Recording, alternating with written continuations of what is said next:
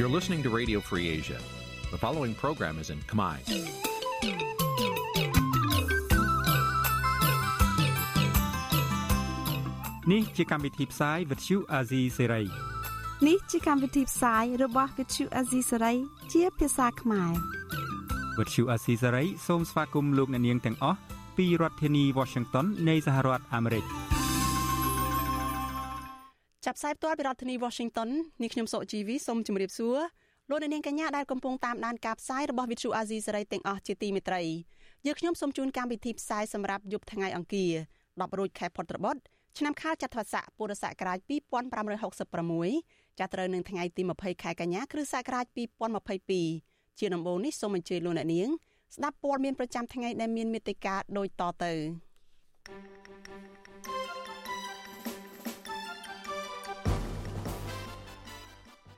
តុលាការខេត្តតាកែវក៏ហៅសកម្មជនគណៈបកសង្គ្រោះជាតិម្នាក់ចូលបំភ្លឺពីបទរួមគំនិតក្បត់ក្រមស្ត្រីថ្ងៃសុកធ្វើបាយម្ហូបជូនគ្រួសារនៅពន្ធនាគារព្រៃសរក្នុងឱកាសភ្ជុំបិណ្ឌមន្ត្រីសង្គមស៊ីវិលរីគុណរដ្ឋាភិបាលថាអសមត្ថភាពគ្រប់គ្រងជនអន្តោប្រវេសន៍ខុសច្បាប់វេទិកានៃស្ដាប់វិទ្យុអាស៊ីសេរីពិភាក្សាអំពីថាតើប្រាក់ឈ្នួលគោលថ្មីអាចជួយសម្រួលអ្វីខ្លះដល់បញ្ហាជីវភាព និងបំណុលរបស់កម្មករ រួមនឹងព័ត៌មានសំខាន់ៗមួយចំនួនទៀត។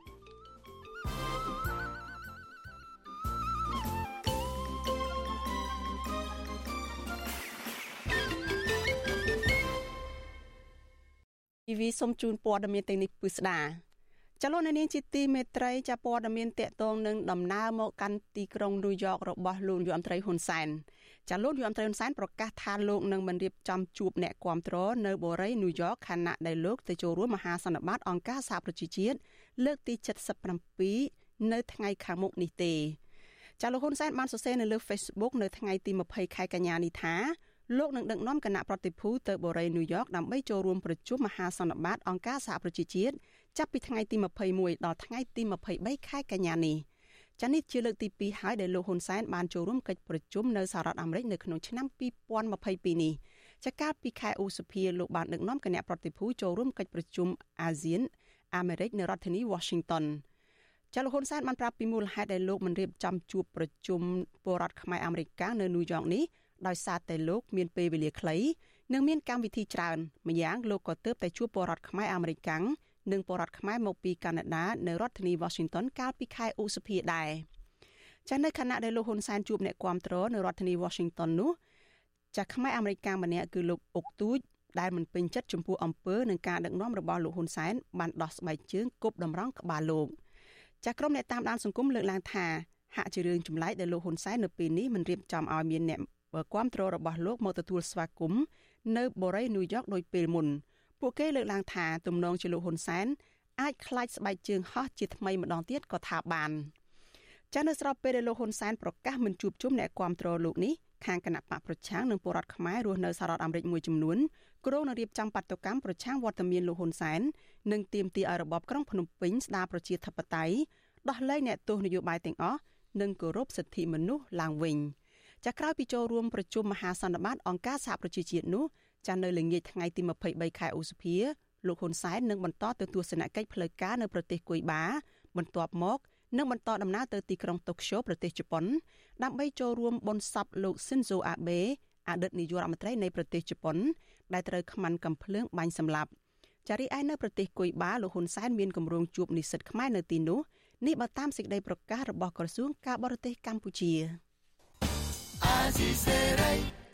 ចលនានាងជាទីមេត្រីសេចក្តីរាយការណ៍ពីខេត្តតកែវឯណោះឲ្យដឹងថាបរិយាអាញារងនៃសាលាដំបងខេត្តតកែវគឺលោកទាវពុនរាយក៏ហៅសកម្មជនគណៈបកសង្គ្រោះជាតិម្នាក់គឺលោកថាវរិទ្ធចាស់ឲ្យចូលរួមជំនុំជម្រះនៅសាលាដំបងខេត្តតកែវនៅថ្ងៃទី6ខែតុលាខាងមុខនេះដោយចោទប្រកាន់ពីបទរួមគំនិតក្បត់មន្ត្រីសង្គមស៊ីវិលយល់ថាការកោះហៅនេះគឺជាការគំរាមកំហែងផ្នែកនយោបាយទៅលើសកម្មជនគណៈបកប្រឆាំងចាប់ពីរដ្ឋធានី Washington លោកទីនសការីយ៉ារាយការណ៍អំពីរឿងនេះ សកម្មជនគណៈបកសង្គ្រោះជាតិលោកថាវរិទ្ធប្រាប់វិទ្យុអាស៊ីសេរីថាការកោះហៅសាររើឡើងវិញតាក់ទងនឹងសំណុំរឿងក្បត់ជាតិនេះគឺជាការធ្វើទុកបុកម្នេញផ្នែកនយោបាយមកលើរូបលោកខណៈពេលនេះលោកមានជំងឺប្រចាំកាយធ្ងន់ធ្ងរនិងមិនបានចូលរួមធ្វើនយោបាយជាមួយគណៈបកណាមួយឡើយលោកថាវរិទ្ធដែលធ្លាប់ជាប់ពន្ធនាគាររយៈពេល8ថ្ងៃកាលពីឆ្នាំ2019តាក់ទងនឹងផែនការវិលចូលស្រុករបស់លោកសំរងស៊ីប្រធានស្ដីទីគណៈបកសង្គ្រោះជាតិ ទោះជាមានដីកាគម្រាមកំហែងពីតុលាការជាថ្មីម្ដងទៀតក្តីលោកថាវរិទ្ធអះអាងថាលោកនឹងមិនចាកចេញពីកម្ពុជាឡើយនឹងតស៊ូស្លាប់នៅលើទឹកដីមាតុភូមិកំណើតរបស់ខ្លួនទោះជាយ៉ាងណាលោកស្នើឲ្យតុលាការខេត្តតាកែវលើកលែងការចាប់ប្រកាន់មកលើរូបលោកដើម្បីបង្ហាញពីគុណធម៌ផ្នែកនយោបាយដោយអ្វីដែលលោកនាយរដ្ឋមន្ត្រីហ៊ុនសែនធ្លាប់បានប្រកាសយកយល់ដល់សកម្មជនគណបកប្រឆាំងកន្លងមកម្យ៉ាងវិញទៀតលោកកំពុងតែមានជំងឺគៀបសរសៃឈាមប្រចាំកាយ និងមិនអាចធ្វើកិច្ចការអ្វីបានឡើយនៅពេលបច្ចុប្បន្នខ្ញុំមិនចាក់ចេញទេលោកគ្រូខ្ញុំចិត្តស្លាប់នៅក្នុងនៃសុខកំណើតភូមិកំណើតខ្ញុំរស់សាឆ្នាំទេហើយតែគ្នាឆ្ងាយស្លាប់ពេទ្យមិនសន្តិជីវិតខ្ញុំនៅការស្លាប់របស់ខ្ញុំនេះវាផុយសមាជិកប្រតិបត្តិស្រុកត្រាំកក់គណៈបកសង្គ្រោះជាតិលោកថាវរិទ្ធនិងលោកកុយចន្ទថាដែលជាប្រធានប្រតិបត្តិគណៈបកសង្គ្រោះជាតិស្រុកត្រាំកក់ត្រូវបានអាជ្ញាធរឃាត់ខ្លួននិងបញ្ជូនទៅពន្ធនាគារខេត្តតាកែវកាលពីខែវិច្ឆិកាឆ្នាំ2019 ក្រោយពីការឃុំខ្លួនបាន8ថ្ងៃសកម្មជនទាំងពីរនាក់ត្រូវបានដោះលែងឲ្យមានសេរីភាពឡើងវិញ កាលពីយប់ថ្ងៃទី14វិច្ឆិកាក្រោយពីលោកហ៊ុនសែនបានប្រកាសឲ្យយោគយល់ដល់សកម្មជនគណៈបកសង្គ្រោះជាតិទាំងអស់ដូចគ្នាដែរអតីតសកម្មជនគណៈបកសង្គ្រោះជាតិលោកកុយចន្ទថាលោកមិនទាន់ទទួលបានដីកាកោះហៅឲ្យចូលសវនាការនៅឡើយទេទោះជាយ៉ាងណាលោកចាត់ទុកការសើរើសំណុំរឿងចាស់រួមគំនិតក្បត់នេះ គឺជាការគម្រាមកំហែងផ្នែកនយោបាយមកលើរូបលោកខណៈរូបលោកបច្ចុប្បន្នជាអនុប្រធានប្រតិបត្តិគណៈបកភ្លើងទៀនខេត្តតាកែវនៃការកោះហៅចុះថ្ងៃទី30សីហាដោយព្រះអាជ្ញារងនៃសាលាដំបងខេត្តតាកែវលោកទៀវពុនរាយកោះហៅសកម្មជនគណៈបកសង្គ្រោះជាតិលោកថាវរិទ្ធឲ្យចូលរួមជំនុំជម្រះនៅសាលាដំបងខេត្តតាកែវនៅថ្ងៃទី6ដុល្លារដោយចាប់ប្រកាន់ពីបករុំគណិតក្បត់តែទៅនឹងបញ្ហានេះអ្នកនាំពាក្យសមាគមអាតហុកលោកសង្សានករណាយល់ឃើញថា ការចេញដីកាកោះហៅលើអតីតសកម្មជនគណៈបកសង្គ្រោះជាតិពីបទរំគណិតក្បត់នេះគឺជាដំណើរការធម្មតារបស់តុលាការទោះជាយ៉ាងណាលោកសង្សានករណីថាការកោះហៅនេះមិនត្រឹមតែជាការគម្រិតកំហែងដល់សកម្មជនគណបកប្រឆាំងដែលមាននិន្នាការមិនស្របនឹងគណបកកាន់អំណាចតែពីររូបនេះទេតែបញ្ហានេះគឺអាចឲ្យសកម្មជនផ្សេងផ្សេងទៀតមានការភ័យខ្លាចនិងមិនហ៊ានចូលរួមជីវភាពនយោបាយជាមួយគណបកភ្លឹងទៀនលោកថាសកម្មភាពទាំងនេះ បង្ហាញថាលំហនយោបាយនៅកម្ពុជានៅតែរដ្ឋបတ်ហើយលោកស្នើសុំឲ្យថ្នាក់ដឹកនាំរដ្ឋាភិបាលគួរតែបន្ធូរបន្ថយភាពតានតឹងផ្នែកនយោបាយមុនការបោះឆ្នោតជាតិឆ្នាំ2023មកដល់ទើបអាចផ្ដល់ផលប្រយោជន៍ដល់ប្រទេសជាតិការកោះហៅបន្តបន្ទាប់បែបនេះវាជាការបង្កើននៅក្តីព្រួយបារម្ភថ្មីសម្រាប់យើងដែលជាសង្គមស៊ីវិលដែលយើងចង់ឃើញនៃការបើកនៅលំហការគ្រប់សិទ្ធិមនុស្សនិងប្រជាធិបតេយ្យនេះ កន្លងមកនៃវិភាគតែងតែលើកឡើងថាប្រព័ន្ធតុលាការនៅកម្ពុជាគឺគ្រាន់តែជាឧបករណ៍នយោបាយរបស់គណៈបកកាន់អំណាចតែប៉ុណ្ណោះដោយឡែកអង្គការសង្គមស៊ីវិលក្នុងស្រុកអង្គការអន្តរជាតិនិងបណ្ដាប្រទេសប្រជាធិបតេយ្យកន្លងមកតែងតែទាមទាររដ្ឋាភិបាលលហ៊ុនសែនលើកលែងរាល់ការចោទប្រកាន់ទៅលើសកម្មជននយោបាយនិងដោះលែងសកម្មជននយោបាយកំពុងជាប់ឃុំឲ្យមានសេរីភាពឡើងវិញដោយអត់លក្ខខណ្ឌដើម្បីលើកកម្ពស់លទ្ធិប្រជាធិបតេយ្យ និងស្ដារសិទ្ធិមនុស្សនៅកម្ពុជាឡើងវិញខ្ញុំទីនសាការីយ៉ាអស៊ីសេរីប្រធានីវ៉ាស៊ីនតោនចាលោកនាងកញ្ញាជាទីមេត្រីចាលោកអ្នកកំពុងតែតាមដានការផ្សាយរបស់ Vithu Azizi សេរីចាប់ផ្សាយចេញពីរដ្ឋធានី Washington សហរដ្ឋអាមេរិកចាងាកមកព័ត៌មានតកតនៅរឿងក្តីក្តាំរបស់ប្រធានគណៈបកនយោបាយមួយនៅឯសាលាដំបងរាជធានីភ្នំពេញឯនេះវិញចាស់សាលាដំបងរាជធានីភ្នំពេញក្រុងក្រុងនឹងបើកសវនកម្មជំនុំជម្រះក្តីស្ថាបនិកគណៈបក គណៈបកបេះដូងជាតិគឺលោកសៀមភ្លុកនៅពេលខាងមុខឆាប់ឆាប់នេះចាស់មន្ត្រីសង្គមស៊ីវិលនៅតែជំរុញទៅតុលាការថាគួរតែទម្លាក់ចោលការចោទប្រកាន់លើលោកសៀមភ្លុកនេះចាប់ពីរដ្ឋធានី Washington លោកយ៉ងច័ន្ទដារារាយការណ៍អំពីរឿងនេះតុលាការក្រុងបញ្ជូនសំណុំរឿងស្ថាបនិកគណៈបកបៃដងជាតិលោកសៀមភ្លុកទៅជំនុំជម្រះក្តីនាពេលខាងមុខនេះក្រោយពេលចក្រមស៊ើបសួរបានបិទបញ្ចប់ការស៊ើបសួរលើសំណុំរឿងនេះកាលពីខែសីហាមេធាវីការពារក្តីលោកសៀមភ្លុក គឺលោកជួងជងីឲ្យដឹងថាលោកត្រៀមខ្លួនរួចហើយដើម្បីការពារកូនក្តីរបស់លោកនៅបន្ទប់តុលាការមេធាវីរូបនេះនៅតែអះអាងថាកូនក្តីរបស់លោកមិនបានប្រព្រឹត្តបទល្មើសដោយការចោទប្រកាន់របស់ក្រសួងមហាផ្ទៃឡើយលោកមេធាវីរិះគន់ថាក្រសួងមហាផ្ទៃហាក់មានចេតនាចាប់ទោសអូសដំណើរហើយចង់ឲ្យលោកសៀមភ្លុកជាប់ពន្ធនាគារ អត់មានការចូលរួមអត់មានអ្វីធានាថាឯកសារដែលខ្សួងមកទៅយកទៅធ្វើវិសោធនវិចារនេះពិតជាឯកសារដែលយកពីលោកសៀមប្លុកចូលបើទៅយកឯកសារផ្សេងមកទៀតមកអានឹងយ៉ាងម៉េចទៅវិញអានេះគឺអត់អត់បង្ហាញឲ្យឃើញភាពដុល្លារភាពហើយភាពជាលក្ខភាពប្រកបវិជ្ជាគួរឲ្យទុកចិត្តបានណាក្នុងន័យថាចាំតែចាប់ថ្នាក់អូដំណើររកទោសរកកំហុសចាប់ថ្នាក់ដាក់គុកតែម្ដងលោកមេធាវីជួងជងីបញ្ជាក់ថាលោកមិនទាន់ដឹងពីថ្ងៃជាក់លាក់ដែលតុលាការក្រុងជំនុំជម្រះរឿងក្តីនេះនៅឡើយទេក្រសួងមហាផ្ទៃបានប្តឹងលោកសៀមភ្លុក ពីករណីក្លែងបន្លំ និងប្រើប្រាស់លិខិតក្លែងនៅក្នុងការបង្កើតគណៈបកបេដងជាតិហើយបទចោទនេះលោកសៀមភ្លុកប្រឈមទៅនឹងការជាប់ពន្ធនាគាររហូតដល់3ឆ្នាំលោកសៀមភ្លុកត្រូវបានសមត្ថកិច្ចចាប់ខ្លួនកាលពីខែមេសាក្រោយពីតុលាការបានចេញដីកាបង្គាប់ឲ្យសមត្ថកិច្ចនាំខ្លួនលោកជុំវិញរឿងនេះនាយកទទួលបន្ទុកកិច្ចការទូតនៃអង្គការសិទ្ធិមនុស្សលីកាដូលោកអំសំអាតចង់ឃើញតុលាការកាត់ក្តីដោយឈរលើភាពយុត្តិធម៌និងមិនលំអៀង លោកបន្តថាដើម្បីគ្រប់ភាគីអាចទទួលយកការសម្រេចរបស់តុលាការបានតុលាការត្រូវឈលលើជំហរច្បាប់ភ័ស្តុតាងនិងសាក្សីដើម្បីបើកឲ្យមានការតតាំងក្តីដោយស្មើភាពគ្នាក៏ប៉ុន្តែចៅក្រមព្រះរាជាលោកសិទ្ធិដឹងហើយព្រោះនៅក្នុងតុលាការចៅក្រមក៏មានការតាំងសម្បត្តិមុននឹងចូលធ្វើការជាចៅក្រម នៅខាងក្រោយក៏មានដាក់ទាក់ទងនឹងអគតិទាំង4ហ្នឹងណាធ្វើការយ៉ាងណាបើកឱកាសក្នុងការតតាំងគ្នាឲ្យមានភាពស្មើគ្នាចំពោះមុខច្បាប់ដើម្បីស្វែងរកយុត្តិធម៌តកតងរឿងនេះវិទ្យុអាស៊ីសេរីមិនអាចសុំការអធិប្បាយណាមួយពីប្រធានសាលាដំបងរាជធានីភ្នំពេញលោកតាំងសុនឡាយបានទេ នៅថ្ងៃទី20ខែកញ្ញាចំណែកអ្នកនាំពាក្យគណៈបកប្រជាជនកម្ពុជាលោកសុកអេសានវិញលោកយល់ថា ការដែលតុលាការដំណើរការរឿងក្តីនេះគឺជាការបញ្ជាក់ថាបណ្ដឹងរបស់ក្រសួងមហាផ្ទៃមានមូលដ្ឋានច្បាប់គ្រប់គ្រាន់លោកបន្តថាគ្រប់ភាគីគួររងចាំមើលការសម្រេចរបស់តុលាការជាមុនសិនមុននឹងសន្និដ្ឋានថារឿងនេះគឺជារឿងនយោបាយ ត្រង់អ្នកណាមានយោបល់យ៉ាងម៉េចអានឹងជារឿងការយល់ឃើញរបស់គេក៏ប៉ុន្តែតឡាការទទួលពាក្យនឹងហើយអញ្ចឹងវាទៅជា សំណុំរឿងវាទៅជាផ្លូវការហើយដែលតឡាការកំពុងដំណើរការនឹងហើយលោកសៀមភ្លុកធ្លាប់បានប្រាប់តុលាការថាលោកមិនបានក្លែងបន្លំឯកសារនៅក្នុងការបង្កើតគណៈបកបេដងជាតិឡើយហើយលោកក៏មិនមែនជាអ្នកចោះផ្ទាល់ទៅប្រមូលស្នាមមេដៃអ្នកគ្រប់គ្រងនោះដែរគឺតំណាងគណៈបកនៅតាមខេត្តជាអ្នករៀបចំ កាលពីខែកក្កដាកន្លងទៅស្ថាបនិកគណៈបកបេដងជាតិរូបនេះបានសរសេរសម្បត្តិចេញពីពន្ធនាគារស្នើទៅរដ្ឋមន្ត្រីក្រសួងមហាផ្ទៃលោកសខេងឲ្យដកពាក្យបណ្ដឹងពីរូបលោកទៅលើការចោទប្រកាន់ករណីក្លែងបន្លំឯកសារចុះបញ្ជីគណៈបកបេដងជាតិទោះជាយ៉ាងណា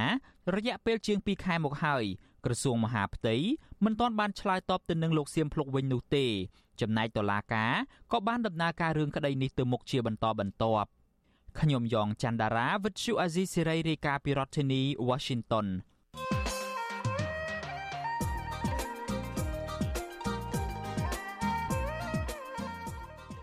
ចាលោកនាងកញ្ញាជាទីមេត្រីចានៅថ្ងៃទី21ខែកញ្ញាស្អែកនេះចាក្រុមចរចាដំឡើងប្រាក់ឈ្នួលគោលកម្មករនៅក្នុងវិស័យវាយនភ័ណ្ឌកាត់ដេរផលិតស្បែកជើងកាបូបនិងសម្រាប់ជាចុងក្រោយពីប្រាក់ឈ្នួលគោលសម្រាប់ឆ្នាំ2023 ចាការផ្ដល់ប្រាក់ឈ្នួលថ្មីនេះគឺស្របគ្នានឹងរបាយការណ៍បន្តជាចេញជាបន្តបន្ទាប់រកឃើញថាជីវភាពរស់នៅរបស់ប្រជាជនកម្ពុជារួមទាំងកម្មករនៅក្នុងរោងចក្រកាត់ដេរផងកំពុងជាប់បំណុលធ្ងន់ធ្ងរហើយពួកគេបានកាត់បន្ថយការចំណាយសម្រាប់ទ្រទ្រង់រាងកាយរបស់ពួកគេដោយសារតែឥទ្ធិពលនៃវិបត្តិជំងឺ Covid-19 និងស្ថានភាពលក្ខខណ្ឌការងារនៅក្នុងរោងចក្របន្តធ្លាក់ចុះ តើក្រុមកម្មកររោងចក្រដែលជួបការលំបាកនោះអាចដោះស្រាយជីវភាពរបស់ពួកគេនិងបំណុលរបស់ពួកគេតាមមធ្យោបាយណាខ្លះតើប្រាក់ឈ្នួលគោលថ្មីអាចជួយសម្រួលអ្វីខ្លះទៅដល់បញ្ហាទាំងនេះចាសសូមអញ្ជើញលោកនាងរងចាំស្ដាប់នីតិវេទិកាអ្នកស្ដាប់វិទ្យុអាស៊ីសេរីចាដែលនឹងជជែកអំពីបញ្ហានេះនៅពេលបន្តិចទៀតនេះប្រសិនបើលោកនាងមានចម្ងល់ចង់សួរវាគ្មិនរបស់យើងឬចង់បញ្ចេញមតិយោបល់សូមអញ្ជើញលោកនាងដាក់លេខទូរស័ព្ទរបស់លោកអ្នកនាងនៅក្នុងខ្ទង់ comment របស់ Facebook និង YouTube របស់វិទ្យុអាស៊ីសេរី ចាហើយក្រុមការងាររបស់យើងនឹងស្រង់លេខទូរស័ព្ទហើយហៅទៅលោកអ្នកនាងវិញចាដើម្បីផ្ដល់ឱកាសឲ្យលោកអ្នកនាងបានចូលរួមវេទិកាអ្នកស្ដាប់វិទ្យុអាស៊ីសេរីនៅពេលនោះចាសសូមអរគុណ។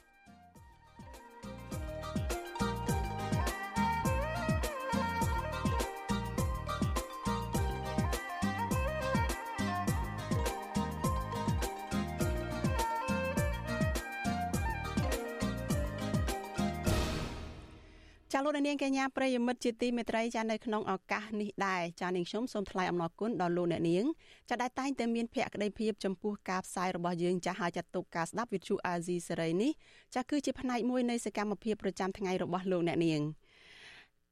ចា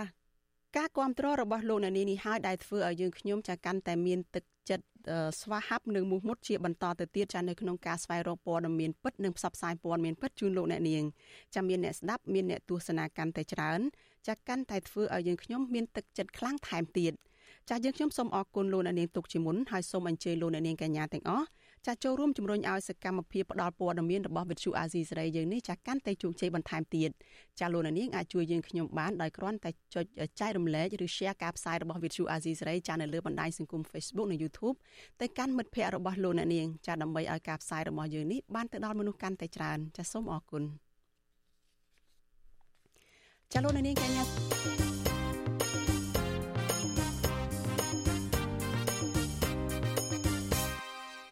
ចាលោកនាងកញ្ញាជាទីមេត្រីចាព័ត៌មានតកតងនឹងដំណើររបស់លោកនាយរដ្ឋមន្ត្រីហ៊ុនសែនមកកាន់បូរីញូវយ៉កនៃសហរដ្ឋអាមេរិកនេះវិញចាលោកនាយរដ្ឋមន្ត្រីហ៊ុនសែនប្រកាសថាលោកនឹងមិនរៀបចំជួបអ្នកគាំទ្ររបស់លោកនៅបូរីញូវយ៉កខណៈដែលលោកទៅចូលរួមមហាសន្និបាតអង្គការសហប្រជាជាតិលើកទី72នៅពេលខាងមុខនេះចាលោកហ៊ុនសែនបានសរសេរនៅលើ Facebook នៅថ្ងៃទី20ខែកញ្ញានេះថា លោកនឹងដឹកនាំគណៈប្រតិភូទៅបូរីញូវយ៉កដើម្បីចូលរួមប្រជុំមហាសន្និបាតអង្គការសហប្រជាជាតិจะចាប់ពីថ្ងៃទី21ដល់ថ្ងៃទី23ខែកញ្ញាខាងមុខនេះចានេះជាលើកទី2ហើយដែលលោកហ៊ុនសែនបានមកចូលរួមកិច្ចប្រជុំនៅសហរដ្ឋអាមេរិកនៅក្នុងឆ្នាំ2022នេះចាស់នៅលើកទី1គឺកាលពីខែឧសភាលោកបានដឹកនាំគណៈប្រតិភូមកចូលរួមកិច្ចប្រជុំកម្ពុជាអាស៊ានអាមេរិកនៅរដ្ឋធានី Washington ចាលោកហ៊ុនសែនបានប្រាប់ពីមូលហេតុដែលលោកមិនរៀបចំជួបប្រជុំពលរដ្ឋខ្មែរអាមេរិកកាំងនៅបូរីញូវយ៉កនេះដោយសារតែលោកមានពេលវេលាខ្លីនិងមានកម្មវិធីច្រើនម្យ៉ាងលោកទើបតែជួបពលរដ្ឋខ្មែរអាមេរិកកាំងនិងពលរដ្ឋខ្មែរមកពីកាណាដានៅរដ្ឋធានី Washington កាលពីដើមខែឧសភានេះដែរចានៅខណៈដែលលោកហ៊ុនសែនបានជួបអ្នកគាំទ្រនៅរដ្ឋធានី Washington DC នោះខ្មែរអាមេរិកកាំងម្នាក់គឺលោកអុកទូចដែលមិនពេញចិត្តចំពោះអំពើនិងការដឹកនាំរបស់លោកហ៊ុនសែន ចាប់បានដោះស្បែកជើងគប់តម្រង់ក្បាលលោក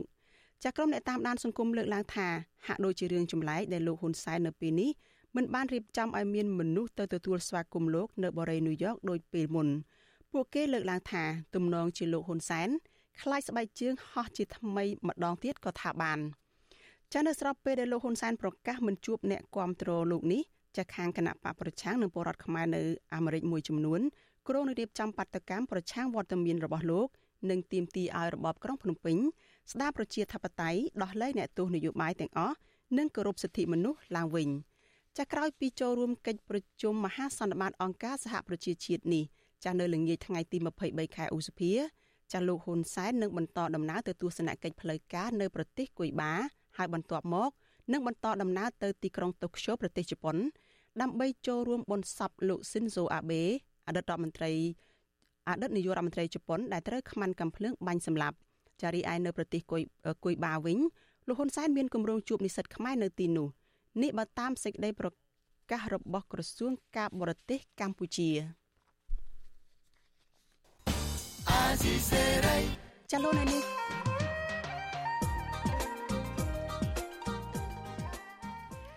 ចាលោកនាងជាទីមេត្រីចាថ្ងៃទី21ខែកញ្ញាស្អែកនេះ ចាគឺជាថ្ងៃចុងក្រោយដែលក្រុមចរចាដំឡើងប្រាក់ឈ្នួលគោលកម្មករនៅក្នុងវិស័យវិញ្ញាណភ័ណ្ឌកាត់ដេរផលិតស្បែកជើងកាបូបនិងសម្រាប់ជាចុងក្រោយពីទឹកប្រាក់ឈ្នួលសម្រាប់ឆ្នាំ2023ចាការផ្ដល់ប្រាក់ឈ្នួលថ្មីនេះគឺស្របពេលដែលរបាយការណ៍បានចេញជាបន្តបន្ទាប់រកឃើញថាជីវភាពរស់នៅរបស់ប្រជាជនកម្ពុជារួមទាំងកម្មករនៅក្នុងវិស័យកាត់ដេរផងនោះចាកំពុងជាប់បំណុលធ្ងន់ធ្ងរ ហើយពួកគាត់ក៏បានកាត់បន្ថយចំណាយសម្រាប់ទ្រទ្រង់រាងកាយរបស់ពួកគេដោយសារតែឥទ្ធិពលនៃវិបត្តិជំងឺ Covid-19 និងស្ថានភាពលក្ខខណ្ឌការងារនៅក្នុងរោងចក្របន្តធ្លាក់ចុះតើក្រុមកម្មកររោងចក្រដែលជួបការលំបាកអាចដោះស្រាយជីវភាពនិងបំណុលរបស់ពួកគេតាមមធ្យោបាយណាខ្លះតើប្រាក់ឈ្នួលគោលថ្មីអាចជួយសម្រួលអ្វីខ្លះដល់បញ្ហាទាំងនេះ ចាសសូមអញ្ជើញលោកអ្នកនាងរងចាំស្ដាប់នីតិវេទិកានៃស្ដាប់វិទ្យុអាស៊ីសេរីចាដែលនឹងជជែកអំពីបញ្ហានេះនៅក្នុងការផ្សាយរបស់យើងនៅពេលបន្តិចទៀតនេះចាប្រសិនបើលោកអ្នកនាងមានចម្ងល់ចង់សួរវាគ្មិនរបស់យើងឬក៏ចង់បញ្ចេញមតិយោបល់ចាសសូមអញ្ជើញលោកអ្នកនាងដាក់លេខទូរស័ព្ទរបស់លោកអ្នកនាងនៅក្នុងខ្ទង់ comment របស់ Facebook និង YouTube របស់ Vithu Azizi សេរីចាសក្រុមការងាររបស់យើងនឹងហៅទៅលោកអ្នកនាងវិញ។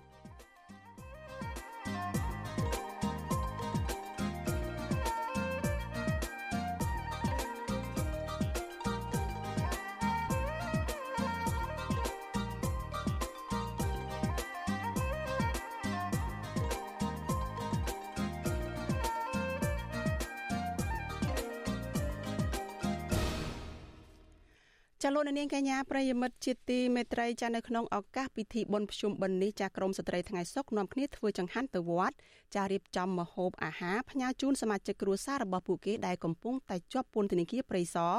ស្របពេលរដ្ឋាភិបាលមិនព្រមដោះលែងអ្នកជាប់ឃុំនយោបាយឲ្យបានជួបជុំគ្រួសារបានធ្វើបុណ្យទានដោយគ្រួសារពលរដ្ឋខ្មែរផ្សេងទៀតទេនោះចាមន្ត្រីជាន់ខ្ពស់រដ្ឋាភិបាលអះអាងថាករណីនេះគឺជាសមត្ថកិច្ចរបស់តុលាការ ប៉ុន្តែមន្ត្រីសិទ្ធិមនុស្សថាបញ្ហានេះផ្ដើមចេញពីវិវាទនយោបាយរវាងគណៈបកកាន់អំណាចនិងគណៈបកប្រឆាំងដែលលំមដល់ពេលរដ្ឋាភិបាលដោះស្រាយបញ្ចប់វិបត្តិនេះហើយចាលោកនាងនឹងបានស្ដាប់សេចក្តីរាយការណ៍នេះនៅក្នុងការផ្សាយរបស់យើងនៅពេលបន្តិចទៀតនេះ។ ចាលោកនាងកញ្ញាប្រិយមិត្តជាទីមេត្រីចាព័ត៌មានដាច់ដោយឡែកមួយទៀតចាមន្ត្រីសង្គមស៊ីវិលរិះគន់រដ្ឋាភិបាលលោកហ៊ុនសែនថាអសមត្ថភាពនៅក្នុងការគ្រប់គ្រងអន្តោប្រវេសន៍ខុសច្បាប់ដែលតែងតែលួចចូលឆ្លងដែននិងប្រព្រឹត្តបទល្មើសនៅលើទឹកដីខ្មែរតាមទំនឹងចិត្តចាប្រតិកម្មរបស់អង្គការក្រៅរដ្ឋាភិបាលនេះធ្វើឡើងក្រោយដែលសមត្ថកិច្ចបានឃាត់ខ្លួនអន្តោប្រវេសន៍ខុសច្បាប់ដែលជាជនជាតិចិននិងជនជាតិវៀតណាមជាង100នាក់នៅពេលដែលពួកគេលបលួចមករស់នៅកម្ពុជា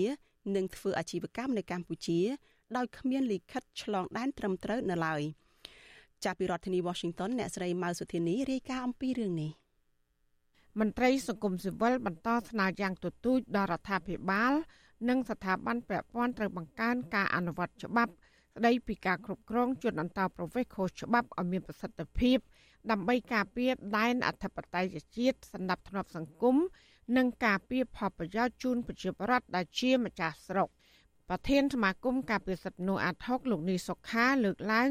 ថាការគ្រប់គ្រងអជនអន្តោប្រវេសន៍ខុសច្បាប់ គឺជាការទទួលខុសត្រូវរបស់រដ្ឋទោះយ៉ាងណាលោកមើលឃើញថាកម្ពុជា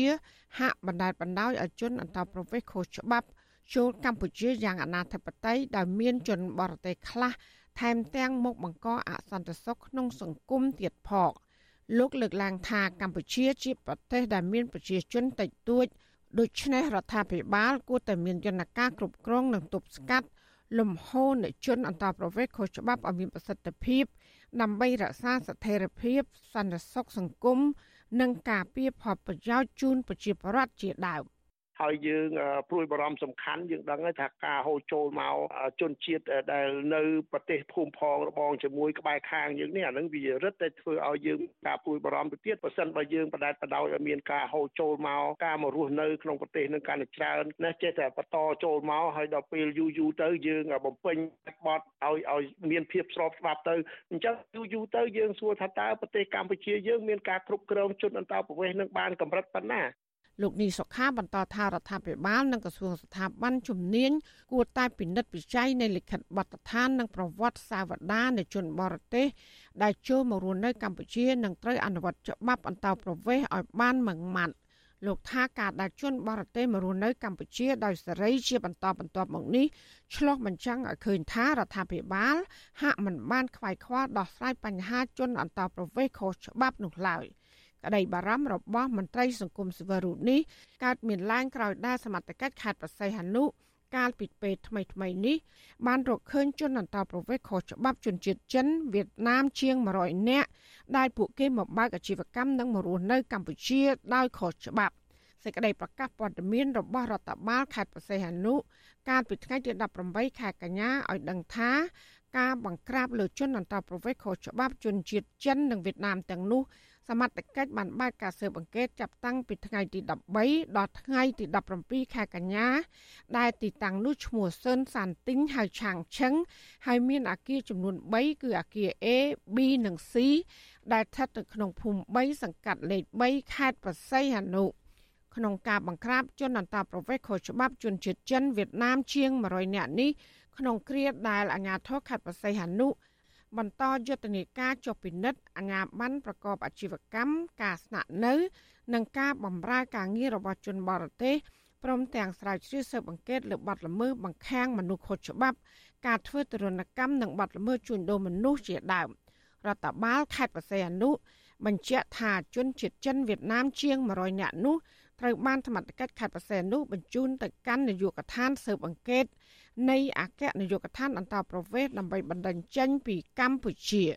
ជនបរទេសមួយចំនួនដែលមករស់នៅលើទឹកដីខ្មែរខុសច្បាប់មិនត្រឹមតែបង្កអសន្តិសុខសង្គមនោះទេ គឺបានបង្កការភ័យខ្លាចដល់ប្រជាពលរដ្ឋម្ចាស់ស្រុកថែមទៀតផងជនអន្តោប្រវេសន៍ដូចជាជនជាតិចិននិងវៀតណាមជាដើម តែងតែប្រព្រឹត្តបទល្មើសបើកពង្រីកការបណ្ដាញអាជីវកម្មបែបអក្រិតកម្មនានាជាហូរហែព្រមទាំងបានដណ្ដើមទីផ្សារការងាររបស់ប្រជាពលរដ្ឋខ្មែរថែមទៀតផងវិទ្យុអសីស្រីមិនអាចតកតងអគ្គនាយកដ្ឋានអន្តោប្រវេសន៍លោកគៀតចន្ទថារិទ្ធនិងស្នងការនគរបាលខេត្តបរសៃអនុលោកជួនណារិនដើម្បីសុំការបញ្ជាក់ជំវិញរឿងនេះបានទេ នៅថ្ងៃទី20ខែកញ្ញា កាលពីខែឧសភាកន្លងទៅសមត្ថកិច្ចខេត្តបរសៃអនុបានសហការជាមួយនឹងអគ្គកុងស៊ុលវៀតណាមនិងរដ្ឋមន្ត្រីក្រសួងមហាផ្ទៃលោកសខេងចាប់បញ្ជូនជនជាតិវៀតណាមជាង200នាក់ឲ្យវិលត្រឡប់ទៅប្រទេសពួកគេវិញដោយសារតែពួកគេលួចចូលមកធ្វើការនៅកម្ពុជាដោយខុសច្បាប់ក្នុងការខេត្តបរសេអនុឲ្យដឹងថារយៈពេល4ខែឆ្នាំ2022សមត្ថកិច្ចបានចាប់បញ្ជូនជនអន្តោប្រវេសន៍ខុសច្បាប់ប្រមាណ400នាក់ឲ្យវិលត្រឡប់ទៅប្រទេសកំណើតពួកគេវិញជនជាតិបរទេសទាំងនោះភាគច្រើនជាជនជាតិចិនឥណ្ឌូនេស៊ីថៃនិងវៀតណាមរបាយការណ៍របស់នគរបាលជាតិនៃក្រសួងមហាផ្ទៃឲ្យដឹងថាគិតត្រឹមចុងឆ្នាំ2019មានជនជាតិចិនចំនួនប្រមាណ250,000នាក់ កំពុងរស់នៅកម្ពុជាក្នុងនោះប្រមាណ1សែននាក់រស់នៅទីក្រុងភ្នំពេញនិងខេត្តបរសៃហនុកាលពីឆ្នាំ2018អាជ្ញាធរកម្ពុជាបញ្ជូនជនជាតិចិនជាង600នាក់ចេញពីកម្ពុជាដែលសារតែអ្នកទាំងនោះមានពាក់ព័ន្ធនឹងបទល្មើសចម្រិតទារប្រាក់និងការឆបោកតាមប្រព័ន្ធអ៊ីនធឺណិតកាលពីឆ្នាំ2021កន្លងទៅ កម្ពុជាបានបណ្ដេញជនបរទេសជាង3500នាក់ ទៅកាន់ប្រទេសរបស់ពួកគេវិញបន្ទាប់ពីបានប្រព្រឹត្តល្មើសច្បាប់នៅកម្ពុជា ក្នុងចំណោមជនបរទេសទាំងនោះ គឺមាន43សញ្ជាតិក្នុងនោះមានជនជាតិចិនជិត300នាក់ចាននាងខ្ញុំម៉ៃសុធានីវັດឈូអាស៊ីស្រី ប្រធានាធិបតី Washington ចាលោកនាងកញ្ញាប្រិយមិត្តជាទីមេត្រីចាវិទ្យុអាស៊ីសេរីចាសូមអរគុណលោកអ្នកនាងដែលតែងតែព្យាយាមតាមដានស្ដាប់ការផ្សាយរបស់វិទ្យុអាស៊ីសេរីចាតាមរយៈវិទ្យុរលកធាតុអាកាសខ្លី SW ចាទោះជាមានឧបសគ្គយ៉ាងណាក៏ដោយចាវិទ្យុអាស៊ីសេរីនឹងខិតខំបន្តកែលម្អការផ្សាយរបស់យើងជូនលោកអ្នកនាងតាមរយៈវិទ្យុរលកធាតុអាកាសខ្លីនេះឲ្យកាន់តែប្រសើរថែមទៀតចាជាមួយគ្នានេះចាលោកអ្នកនាងនៅពេលដែលយើងកំពុងតែផ្សាយផ្ទាល់តាមបណ្ដាញសង្គម Facebook និង YouTube នេះចាលោកអ្នកនាងអាចស្ដាប់វិទ្យុអាស៊ីសេរីចាតាមរយៈវិទ្យុរលកធាតុអាកាសខ្លី SW ចាតាមកម្រិតនិងកម្ពស់ដូចតទៅនេះពេលព្រឹកចាប់ពីម៉ោង5កន្លះដល់ម៉ោង6កន្លះ តាមរយៈរលកធាតុអាកាសខ្លី12140 kHz ស្មើនឹងកម្ពស់ 25m និង13715 kHz ស្មើនឹងកម្ពស់ 22m ពេលយប់ចាប់ពីម៉ោង7កន្លះដល់ម៉ោង8កន្លះតាមរយៈរលកធាតុអាកាសខ្លី9960 kHz ស្មើនឹងកម្ពស់ 30m ចាំ12140 kHz ស្មើនឹងកម្ពស់ 25m និង11885 kHz ស្មើនឹងកម្ពស់ 25m ចលនានាងជាទីមេត្រីចានៅក្នុងឱកាសពិធីបុណ្យភ្ជុំបិណ្ឌនេះចាក្រមស្ត្រីថ្ងៃសុកបាននាំគ្នាធ្វើចង្ហាន់ទៅវត្តរៀបចំម្ហូបអាហារផ្ញើជូនសមាជិកគ្រួសារដែលកំពុងជាប់ឃុំនៅឯពន្ធនាគារព្រៃសរស្របពេលរដ្ឋាភិបាលមិនព្រមដោះលែងអ្នកជាប់ឃុំនយោបាយឲ្យបានជួបជុំគ្រួសារបានធ្វើបុណ្យទានដោយគ្រួសារពលរដ្ឋខ្មែរផ្សេងទៀតនោះទេមន្ត្រីជាន់ខ្ពស់រដ្ឋាភិបាលអះអាងថាករណីនេះគឺសមត្ថកិច្ចរបស់តុលាការប៉ុន្តែមន្ត្រីសិទ្ធិមនុស្សថាបញ្ហានេះ ផ្ដើមចេញពីវិវាទនយោបាយរវាងគណៈបកកណ្ដាលអំណាចនិងគណៈបកប្រឆាំងដែលលំមដល់ពេលរដ្ឋាភិបាលបញ្ចប់វិបត្តិនេះហើយចាសសូមស្ដាប់សេចក្តីរាយការណ៍របស់លោកសេកបណ្ឌិតអំពីរឿងនេះក្រមស្ត្រីថ្ងៃសុកប្រមាណ10នាក់នៅព្រឹកថ្ងៃទី20ខែកញ្ញាត្រូវនៅថ្ងៃបិណ្ឌ9បាននាំគ្នាធ្វើចង្ហាន់ប្រគៀនព្រះសង្ឃនៅឯវត្តដើម្បីបួងសួងសូមសេចក្តីសុខនិងសូមឲ្យមានដឹកនាំរដ្ឋាភិបាលនិងតុលាការបន្ទន់ចិត្ត ដោះលែងគ្រួសាររបស់ពួកគេ ដែលកំពុងជាប់ឃុំទាំងអយុធធរចំណាយពេលរសៀលវិញពួកគេក៏បាននាំគ្នាចូលទៅសួរសុខទុក្ខនិងរៀបចំចំណីអាហារដោយផ្ទាល់ដៃផ្ញើជូនប្តី និងឪពុករបស់ខ្លួននៅពន្ធនាគារព្រៃសរដែរក្រុមគ្រួសារសកម្មជនទាំងនោះ មានទឹកមុខសោកសៅដោយសារគ្មានឱកាសបានជួបជុំក្រុមគ្រួសារដោយអ្នកដទៃនៅក្នុងរដូវបុណ្យភ្ជុំឆ្នាំនេះតំណាងស្ត្រីថ្ងៃសុក និងជាប្រពន្ធសកម្មជនគណបកសង្គ្រោះជាតិនៅរាជធានីភ្នំពេញដែលកំពុងជាប់ឃុំនៅពន្ធនាគារព្រៃសរគឺលោកស្រីព្រំចន្ទថា បានរៀបរាប់ថា លោកស្រីសែនសោកសង្រេងពេលឃើញប្រជាពលរដ្ឋខ្មែរធ្វើដំណើរទៅលេងស្រុកកំណើតនិងធ្វើបុណ្យទានជួបជុំក្រុមគ្រួសារដោយឡែកតែក្រុមគ្រួសាររបស់លោកស្រី ពេលនេះបែរជាជាប់ឃុំទាំងអយុធធរដោយសារតែការសម្រេចរបស់តុលាការដែលស្ថិតនៅក្រោមសម្ពាធរបស់អ្នកនយោបាយនៃគណៈបកកាន់អំណាច ប្រពន្ធមន្ត្រីគណៈបកប្រជារូបនេះបានឲ្យដឹងនៅថ្ងៃកាន់បិណ្ឌទី9គឺនៅក្រោយពេលដែលលោកស្រីបានចូលសួរសុខទុក្ខប្តីនៅក្នុងពន្ធនាគារថាប្តីលោកស្រីបានបង្ហាញនៅក្តីនឹករលឹកដល់ប្រពន្ធកូន និងសាច់ញាតិជាខ្លាំងតែទោះយ៉ាងណាគាត់លើកទឹកចិត្តឲ្យលោកស្រី រក្សាជំហររឹងមាំតស៊ូតទៅមុខរហូតមានដំណោះស្រាយនយោបាយនាពេលខាងមុខក្នុងឱកាសបុណ្យប្រជុំបិណ្ឌនេះលោកស្រីព្រមច័ន្ទថាបួងសួងសូមឲ្យប្តី និងសកម្មជននយោបាយទាំងអស់មានសុខភាពល្អនិងទទួលបានសេរីភាពជួបជុំគ្រួសារឡើងវិញនាពេលខាងមុខក្រុមគ្រួសាររបស់ពួកនាងខ្ញុំផ្ទាល់តែម្ដងព្រោះគាត់អត់មានទោសអីទេអញ្ចឹងអ្វីដែលក្រោមការដឹកនាំរបស់លោកសូមកុំឲ្យជិះជាន់និងធ្វើបាបបុកទោសទៅបុកម្នេញចំពោះគណៈបកប្រឆាំងទៀតអញ្ចឹងលោកគួរតែឈប់ធ្វើបាបពួកគាត់ទៅឈប់ធ្វើបាបពួកខ្ញុំទៀតទៅចាសតែជាខ្មែរទេឲ្យពួកគាត់ចាស់ចាស់ហើយដើម្បីឲ្យមកជួបមុខប្រពន្ធកូនឬក៏ចាំប្រពន្ធកូនឡើងវិញ ស្រដៀងគ្នានេះដែរប្រពន្ធមន្ត្រីគណៈបកប្រឆាំងដែលកំពុងជាប់ឃុំនៅពន្ធនាគារលោកគង់ម៉ាស់លោកស្រីកុលសាទលើកឡើងថាថ្ងៃកាន់បិណ្ឌឆ្នាំនេះ លោកស្រីពុំមានឱកាសជួបជុំប្តី ទៅវត្តបាំងស្កូលឧទ្ទិសបុណ្យកុសលជូនញាតិសន្តាន ដែលបានចែកឋាននោះទេ តែពួកលោកស្រី បានមូលមតិគ្នារៃប្រាក់បន្តិចបន្តួចធ្វើនំបញ្ចុកសម្លការី និងទិញសម្ភារៈផ្សេងផ្សេងផ្ញើប្តីនៅក្នុងពន្ធនាគារព្រៃសរដើម្បីឲ្យពួកគាត់ទទួលបានអាហារឆ្ងាញ់ឆ្ងាញ់នៅរដូវបុណ្យទានឆ្នាំនេះលោកស្រីកុលសាទបានអួលដាមកពេលឃើញទឹកមុខប្តីស្រងោតស្រងាត់ដោយរៀបរាប់ទាំងទឹកភ្នែករលីងរលោងនឹកដល់ម្ដាយឪពុកនៅអសកកំណើតដោយសារគាត់បាត់បង់សេរីភាពជិត2ឆ្នាំមកនេះលោកស្រីយល់ថាការឃុំខ្លួនប្តីរបស់គាត់ដោយពុំបានប្រព្រឹត្តកំហុសបែបនេះ គឺជារឿងគួរឲ្យឈឺចាប់ចំពោះក្រុមគ្រួសាររបស់សកម្មជននយោបាយដូច្នេះលោកស្រីយល់ថាបើសិនជាតុលាការឯករាជ្យគួរណាស់តែដោះលែងប្តីលោកស្រីឲ្យនៅក្រៅឃុំបណ្ដោះអាសន្ននៅថ្ងៃបើកសវនាការនាពេលខាងមុខដើម្បីឲ្យគាត់បានវិលត្រឡប់មកជួបជុំក្រុមគ្រួសារវិញធ្លាប់តែរដូវបុណ្យជុំអញ្ចឹងគឺពេលដែល ប្តីខ្ញុំនៅខាងក្រៅដែលមិនទាន់មានបញ្ហាអីគឺបានទៅវត្តជុំគ្នាក៏ដូចជាជួបជុំមិត្តភ័ក្តិក្រុមគ្រួសារ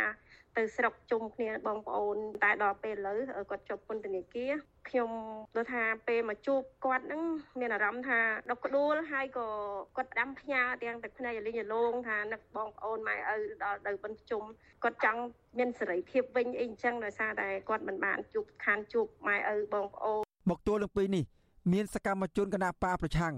និងអ្នករិះគន់រដ្ឋាភិបាលជាង60នាក់កំពុងជាប់ឃុំនៅក្នុងពន្ធនាគារដោយសារតែការអនុវត្តសិទ្ធិសេរីភាពរបស់ខ្លួន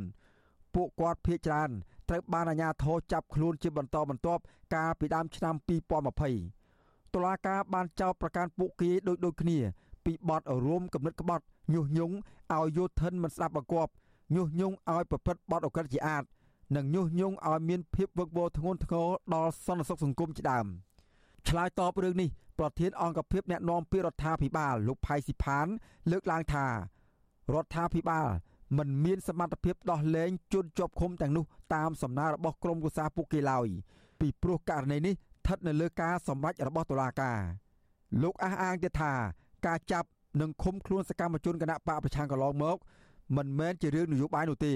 ហើយលោកជំរុញឲ្យក្រមគ្រួសារដាក់មេធាវីតតាំងក្តីទៅតុលាការជាការប្រសើរជាងគេទាំងអស់ហ្នឹងត្រូវតែអនុវត្តទៅតាមគោលការណ៍យុតិធធម៌ដែលដែល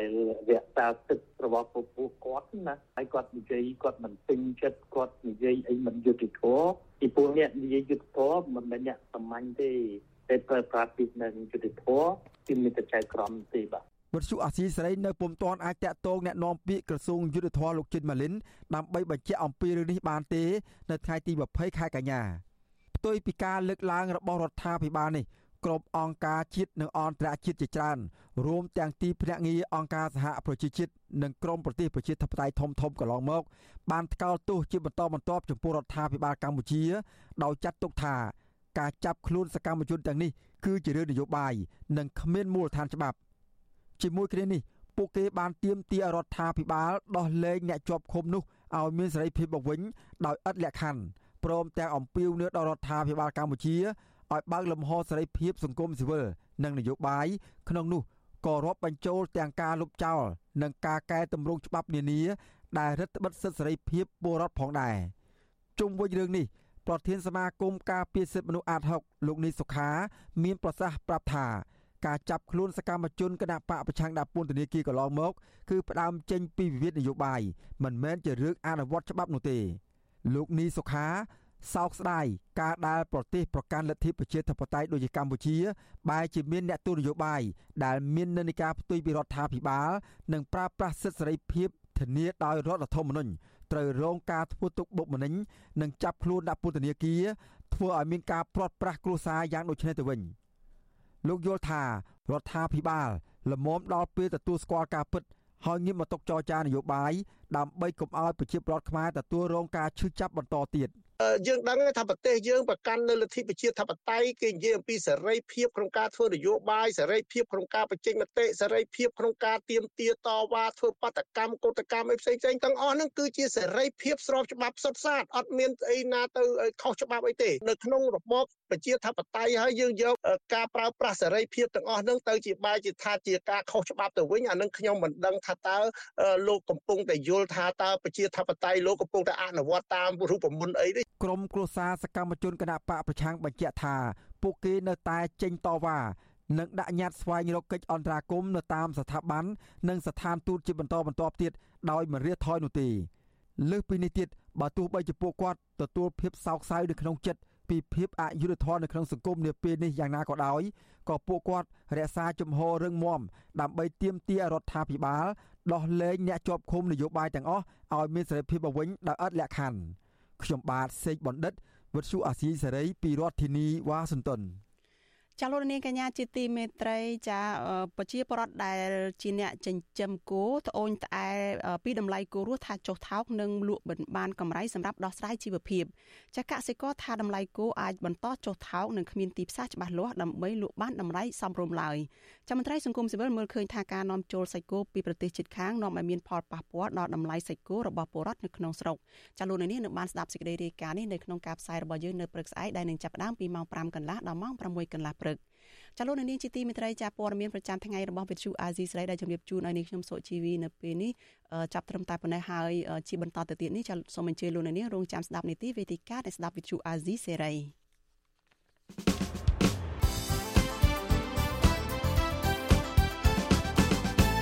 ចាជាបន្តទៅទៀតនេះគឺជានីតិវេទិកាអ្នកស្ដាប់វិទ្យុអាស៊ីសេរី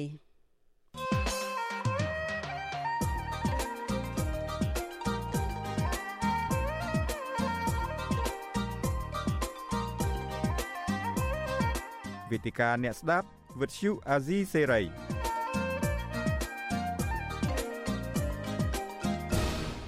ចា៎នេះខ្ញុំសុជីវីសូមជម្រាបសួរជាថ្មីទៅដល់លោកអ្នកនាងដែលកំពុងតែតាមដានការផ្សាយរបស់វិទ្យុអាស៊ីសេរីជាទីមេត្រីចានីតិវេទិកាអ្នកស្ដាប់វិទ្យុអាស៊ីសេរីនៅយប់នេះចាយើងនឹងជជែកគ្នាថាតើប្រាក់ឈ្នួលគោលថ្មីនឹងជួយសម្រួលទៅដល់ជីវភាពនិងការដោះស្រាយបំណុលរបស់កម្មករនៅក្នុងវិស័យកាត់ដេរវាយនភ័ណ្ឌនិងផលិតស្បែកជើងយ៉ាងណាខ្លះចាហើយភ្ញៀវរបស់យើងនៅយុគនេះគឺមាន3រូបចាគឺមានអ្នកស្រីយ៉ាងសុភ័ណ្ឌដែលជាប្រធានសហព័ន្ធសហជីពកម្ពុជា មានលោកអាត់ធុនជាប្រធានសហភាពការងារកម្ពុជា និងមួយរូបទៀតនោះគឺជាកម្មករនៅរោងចក្រកាត់ដេរ YTC ចាដែលគឺលោកម៉ៃសាមិតចាសូមជម្រាបសួរអ្នកទាំង3ពីចម្ងាយចាបាទជំរាបសួរបាទបាទសូមជំរាបសួរចា ចាតកតងទៅនឹងបញ្ហារបស់ក្រមកម្មករនៅក្នុងវិស័យវិញ្ញាណភ័ណ្ឌកាត់ដេរផលិតស្បែកជើងនិងដេកាបូបនេះចានៅថ្ងៃទី21ខែកញ្ញាស្អែកនេះចាស់ក្រមការងារត្រីភិគីគឺក្រមប្រឹក្សាពិភាក្សាប្រាក់ឈ្នួលនឹងនឹងជួបគ្នាជាថ្មីម្ដងទៀតហើយគឺជាពេលវេលាដែលត្រូវសម្រេចជាចុងក្រោយថាតើប្រាក់ឈ្នួលគោលសម្រាប់កម្មករនៅក្នុងវិស័យនេះនៅឆ្នាំ2023ខាងមុខនេះនឹងបានចំនួនប៉ុន្មានចាហើយ លទ្ធផលនៃកិច្ចប្រជុំនៅពេលកន្លងមកហ្នឹងគឺយើងមានតួលេខមួយចំនួនដែលជាសំណើរបស់ភាគីពាក់ព័ន្ធនៅក្នុងការដាក់ចំនួនប្រាក់ខែគោលដែលអាចជាតួលេខសម្រាប់ឆ្នាំ2023នោះចាក្នុងនោះសហជីពមកដល់ពេលនេះសហជីពនៅមិនទាន់ត្រូវរើគ្នានៅឡើយទេ ចាភាគីសហជីពមានចំនួនប្រាក់ខែគោលនឹងគឺដល់ទៅ3ផ្សេងគ្នាក្នុងនោះមានសហជីពមួយក្រុមនឹងគាត់ផ្ដល់នៅតួលេខ 206ដុល្លារនៅក្នុងមួយខែសហជីពមួយក្រុមទៀតនោះ210ដុល្លារហើយមួយក្រុមផ្សេងទៀតនោះគឺ213ដុល្លារចំណែកឯភាគីនយោជកវិញគឺកំណត់យក197ដុល្លារហើយខាងរដ្ឋាភិបាលឬក៏ភាគីក្រសួងគឺ198ដុល្លារហើយភាគីទាំងពីរនឹងជួបជជែកគ្នាដោះស្រាយថាតើនឹងទៅដល់ចំណុចរួមណាមួយនៅថ្ងៃស្អែកនេះឯងចាស់ ទោះជាយ៉ាងណាចំណែកឯក្រុមកម្មករឯនោះវិញចាស់ក្រុមកម្មករបាននាំគ្នាបង្ហោះរូបភាពឬក៏លើកបដាផ្សេងផ្សេងនៅតាមបណ្ដាញសង្គម Facebook ហ្នឹងគឺពួកគាត់ទៀមទាសុំឲ្យបានប្រាក់ឈ្នួល215ដុល្លារនៅក្នុងមួយខែចាដែលពួកគាត់យល់ថាប្រាក់ឈ្នួលនេះសមរម្យចានៅស្របពេលដែលក្រុមកម្មករហើយនឹងភាគីពាក់ព័ន្ធជជែកគ្នាពីប្រាក់ឈ្នួលគោលសម្រាប់កម្មករនៅក្នុងឆ្នាំ2023នេះ មានរបាយការណ៍មួយចំនួនចាបានចេញជាបន្តបន្ទាប់មកនៅក្នុងខែកញ្ញានេះ ចាក្នុងនោះក៏មានរបាយការណ៍ដែលចេញដោយសកលវិទ្យាល័យមួយចំនួនដែលគេធ្វើការរួមគ្នាសិក្សាស្រាវជ្រាវរួមគ្នារបស់ចក្រភពអង់គ្លេសហ្នឹងគេបានចេញផ្សាយរបាយការណ៍ពីរហើយមកដល់ពេលនេះតកតងទៅនឹងស្ថានភាពរបស់កម្មករនៅក្នុងវិស័យកាត់ដេរនៅកម្ពុជានៅក្រៅវិបត្តិជំងឺ Covid-19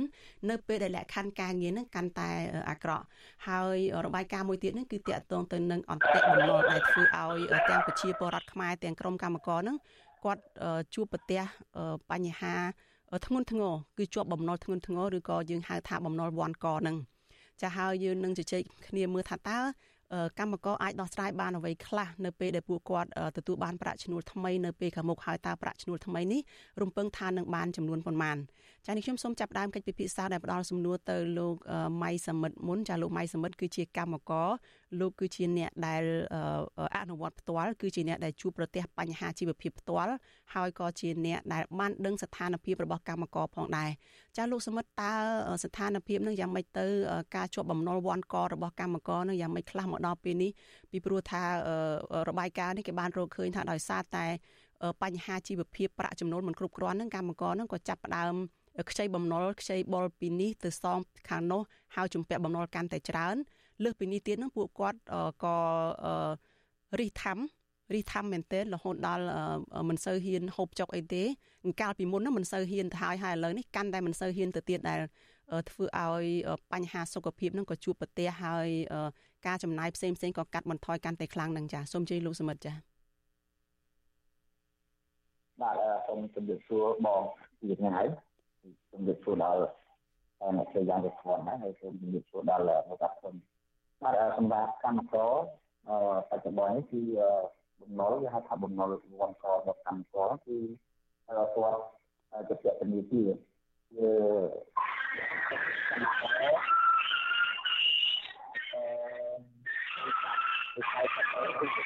ចាលោកលោកអឺ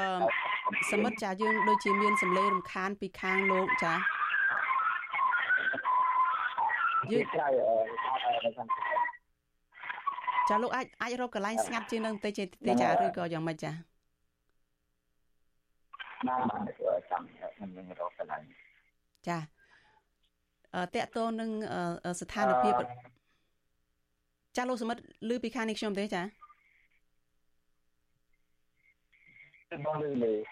ចាចាសូមជួយបន្តទៅចឹងចាអឺ បាទដោយសារតែកម្មករគាត់ទៅពាក់បំណុលពីវ័នកដោយសារតែគាត់ទៅពាក់ពលាគាហើយបន្ទាប់មកទៀតគាត់មានការឈឺចាប់ក៏ដូចជាមានបញ្ហាក្នុងការចំណាយគ្រួសារបងទៅសាលាកូនទៅផ្នែកឯកជនផងហើយគាត់ទៅពាក់អឺផ្ទៃអឺឯកជនហ្នឹងណាអញ្ចឹងគឺគាត់គឺគាត់លើកបានគាត់ទៅបូជាថែមអំពីអឺ ឯកជនដែលចងការឲ្យចាប្រាក់ខ្ពស់ទៀតអញ្ចឹងធ្វើឲ្យចំណូលរបស់គាត់តិចហើយគាត់កាន់តែជាពាក់គឺថែមច្រើនឡើងច្រើនឡើងហើយមួយទៀតការប្រើប្រាស់របស់គាត់ហៅថាអឺតម្រូវការរបស់បងប្អូនកម្មករណាមានដូចជាដាក់ខែម៉ូតូដាក់ខែទូរស័ព្ទជាសម្ភារៈដែលគាត់ប្រើប្រាស់ហ្នឹងអញ្ចឹងគឺចំណូលរបស់គាត់បែងចែក អឺទៅអឺរបស់របរគាត់ប្រើប្រាស់ទុកសារពើទាំងវិទ្យានិស្សិតទាំងកម្ចីឯកជនផងធ្វើឲ្យគាត់ទៅអត់រួចហើយសំអឺប្រាក់ប្រាក់ខែទូលរបស់គាត់ប្រចាំឆ្នាំហ្នឹងមិនឡើងអឺធ្វើឲ្យគាត់មានជីវភាពសមរម្យផងធ្វើឲ្យគាត់កាន់តែលំបាកទៅលំបាកទៅដែរយើងលើកឃើញហ្នឹងចឹងណាបងចា តើស្ថានភាពប្រាក់ចំណូលនៅយ៉ាងម៉េចពីព្រោះខាងខាងភៀកគីនយោជកហ្នឹងក៏មានបង្ហាញថាស្ថានភាពនៃការនាំចេញដូចជាប្រសើរឡើងវិញដែរនៅក្រៅពេលមានវិបត្តិជំងឺ Covid-19 នឹងហេតុអីបានជាចំណូលរបស់កម្មករនៅតែមិនគ្រប់ការចំណាយហើយកាន់តែវាន់កបែបនេះចា៎យើងមើលឃើញ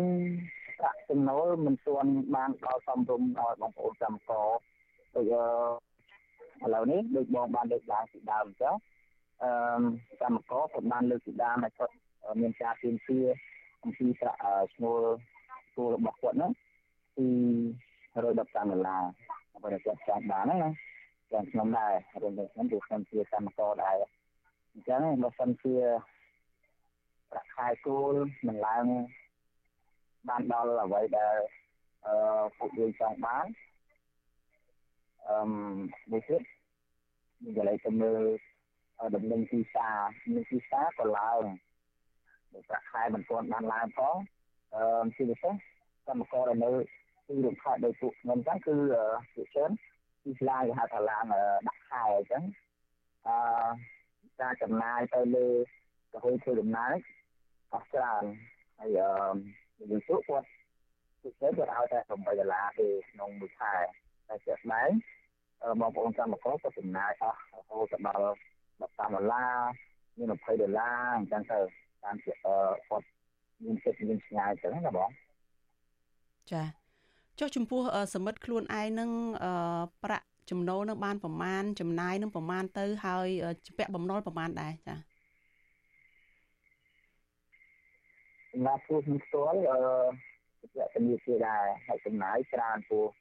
ត្រូវបងខ្លាយទឹកត្រូវ បងខ្លាយភ្លើងត្រូវបងខ្លាយសាលាកូនវិទ្យាជននិងចំណាយទៅលើអឺការបច្ចាយវាយសម្រាប់ពលរដ្ឋការនិងម្ហូបអាហារប្រចាំថ្ងៃអញ្ចឹងយើងខ្វះខាតទៅណាទោះមួយខែយើងអាចដើរចាយគ្រប់ទេព្រោះតែស្អីឬក៏ចងការគឺថែមពីអ្នកដែលគឺមានប្រាក់ចំណូល ថាគេមានតលុយអញ្ចឹងយើងទៅធ្វើយថាយើងអំបិលតាមនឹងទៅរាល់ខែវាវិសាដែរគ្រាន់ទេចាប្រាក់ឈ្នួលគោលហ្នឹងគឺដូចជា196អញ្ចឹងណាប្រាក់ខែគោល196តើចំណូលរបស់សមិទ្ធហ្នឹងច្រើនជាងប្រាក់ខែគោលនឹងដែរទេឬក៏ស្មើនឹងប្រាក់ខែគោលឬក៏យ៉ាងម៉េចចាអឺតាំងពីមានជំងឺ Covid ចូលមកដល់ឆ្នាំ2019មកជាច្រើន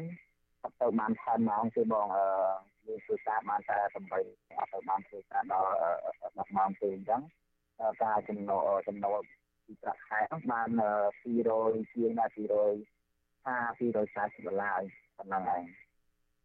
ចាអឺបានបូកបញ្ចូលនៅប្រាក់រង្វាន់នៃអេផ្សេងផ្សេងទៀតទៅដែរនឹងបាន200ជាងនឹងអញ្ចឹងចាចូលទាំងបានបញ្ចូលទាំងលុយប្រាក់ ព្រីមលុយធ្វើដំណើរអីផ្សេងផ្សេងលុយជាងសួរអីចឹងណាបងចាប៉ុន្តែជាង200នឹងហើយនៅតែមិនអាចដោះស្រាយជីវភាពបានស្រួលបួលទេនៅតែជំពាក់បំណុលវ៉ាន់កនខ្ចីដោះដូរពីនេះទៅនោះរហូតអឺដែលជាពាក់គេបន្ថែមជាហោហែមកអញ្ចឹងចាយើងនឹងភាសាគ្នាបន្តទៀតពីរឿងប្រាក់ឈ្នួលនេះចាហើយនេះខ្ញុំសូមផ្ដល់ឱកាសទៅលោកស្រីយ៉ាងសុភភ័ណ្ឌចា សូមលោកស្រីជួយបញ្ជាក់បន្ថែមមកថាតើហេតុអ្វីបានជាស្ថានភាពរបស់កម្មករនៅក្រៅវិបត្តិជំងឺ Covid-19 នេះនៅតែស្ថិតនៅក្នុងស្ថានភាពលក្ខខណ្ឌការងារមិនល្អនៅពេលដែលការនាំចេញនឹងបញ្ជាក់ថាបានរើបឡើងវិញហើយហើយកម្ពុជាអាចនឹងមានលទ្ធផលល្អនៅក្នុងការនាំចេញនៅក្នុងវិស័យវិញ្ញាណភ័ណ្ឌកាត់ដេរនេះចា៎ចាជាដំបូងសូមគោរពលោកសូមជម្រាបសួរទៅដល់លោកអធុននិងលោកសមិទ្ធដែរ ដែលបានចូលរួមកម្មវិធីថ្ងៃនេះមួយគ្នាចាជុំវិញស្ថានភាពរបស់បងប្អូនកម្មករអឺអាចនិយាយថាតាំងពី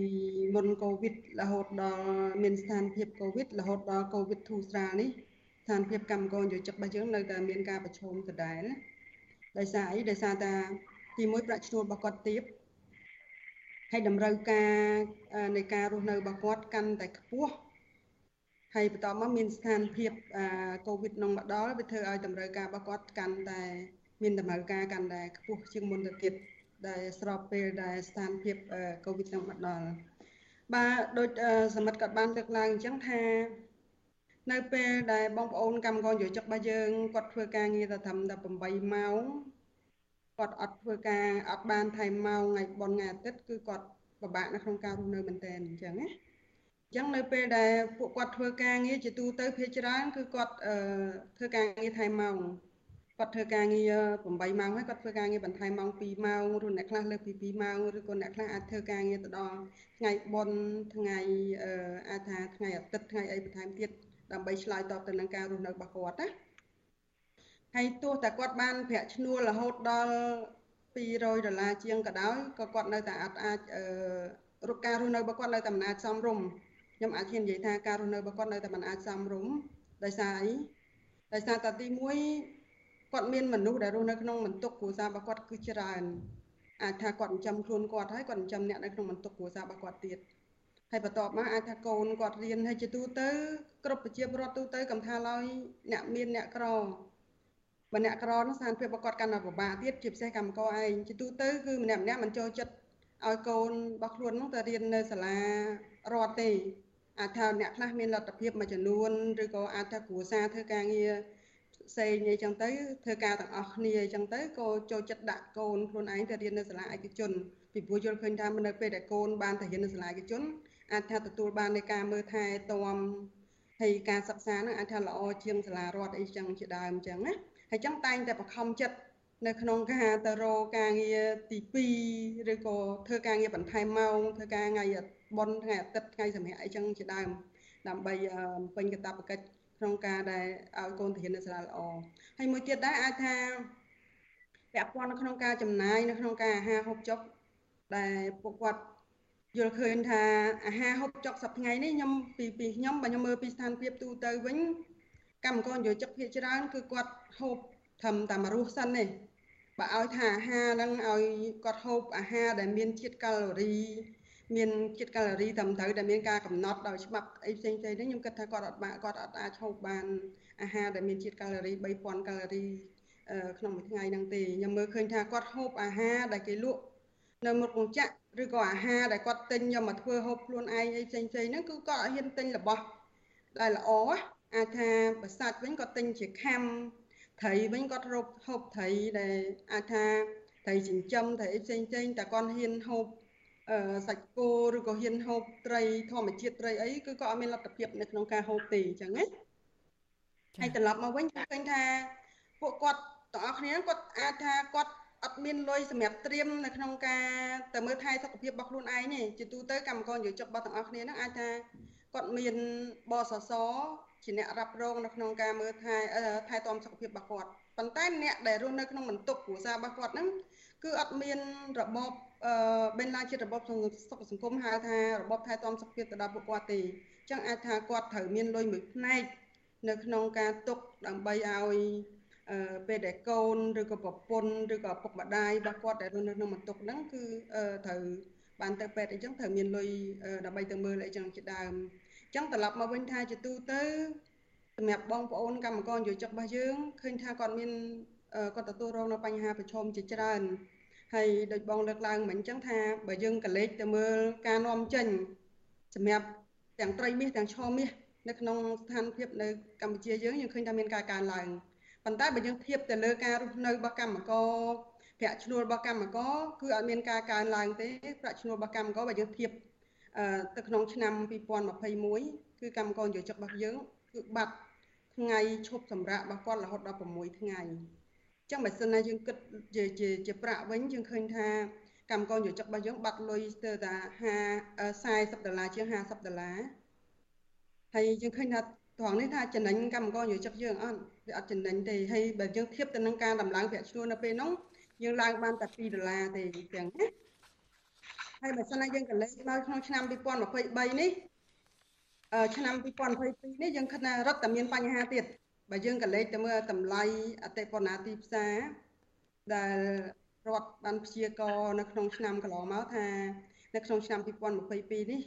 តម្លៃអតិផរណាទីផ្សារហ្នឹងគឺតែ2.8ប៉ុន្តែបើសិនណាយើងមើលតាមស្ថិរធាតុពិតជាក់ស្ដែងគឺអតិផរណាទីផ្សារហ្នឹងតម្លៃអតិផរណាទីផ្សារហ្នឹងគឺឡើងរហូតដល់5%ឯណោះអញ្ចឹងណាអញ្ចឹងត្រឡប់មកវិញថាតើយើងតម្លើងប្រាក់ឈ្នួលឲ្យកម្មករតែ2ដុល្លារក្នុងឆ្នាំមុនហើយបើធៀបយើងជាកខុសអញ្ចឹង តើកម្មករគាត់បានលុយមកពីណាមកចាយឃើញទេអញ្ចឹងត្រឡប់មកវិញថាបងប្អូនកម្មករយោជិកអឺគាត់ទទួលរងបញ្ហាប្រឈមហ្នឹងយើងគិតថាអត់ចម្លែកទេអត់ចម្លែកទេដោយសារប្រាក់ឈ្នួលដែលធ្វើការដំឡើងជូនគាត់នៅឆ្នាំកន្លងមកគឺអត់ឆ្លើយតបទៅនឹងការរស់នៅរបស់គាត់នៅពេលបច្ចុប្បន្នទេតកតងនឹងយើងធៀបនៅក្នុងតម្លៃអតិបណាទីចាដែលខ្ញុំបានលើកឡើងមិញអញ្ចឹងចាចាចា អរគុណច្រើនអ្នកស្រីយ៉ាងសុភ័ណ្ឌចាស៊ីឱកាសនេះចានេះខ្ញុំសូមជម្រាបលាលោកអ្នកនាងដែលកំពុងតែតាមដានការផ្សាយរបស់យើងនៅលើបណ្ដាញសង្គមនៅលើវិទ្យុរលកធាតុអាកាសខ្លីចានៅនៅម៉ោង8:30នាទីបន្តិចទៀតនេះចាលោកអ្នកនាងនឹងមិនលឺការផ្សាយរបស់យើងនោះទេប៉ុន្តែចំពោះលោកអ្នកនាងដែលកំពុងតែតាមដានការផ្សាយរបស់យើងនៅលើបណ្ដាញសង្គម Facebook និង YouTube ចាសូមបន្តតាមដានការផ្សាយរបស់យើងជាបន្តទៅទៀតចាយើងកំពុងតែជជែកពិភាក្សាគ្នាតាក់ទងទៅនឹងថាតើប្រាក់ឈ្នួលគោលថ្មីរបស់កម្មករនៅក្នុងវិស័យវិអ្នកភ័ណ្ឌកាត់ដេរផលិតស្បែកជើងនិងដេរកាបូបនេះថាតើអាចនឹងជួយសម្រួល